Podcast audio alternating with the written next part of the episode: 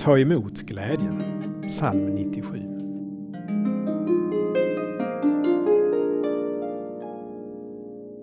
Ni rättfärdiga, gläd er över Herren och prisa hans heliga namn.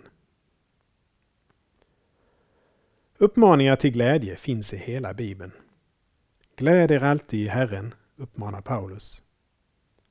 Men denna uppmaning kan lätt göras till ett krav och en förebråelse. Du borde vara glad.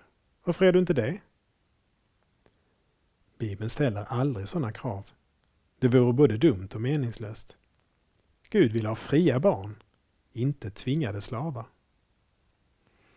Uppmaningen till glädje lyfter också fram anledningen till glädje.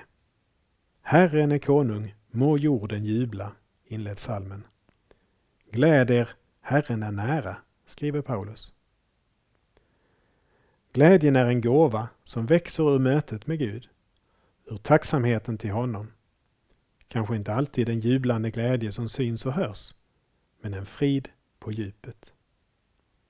Vi ber. Tack för erbjudandet om glädje. Låt mig aldrig göra glädjen till ett krav, varken för mig själv eller för andra.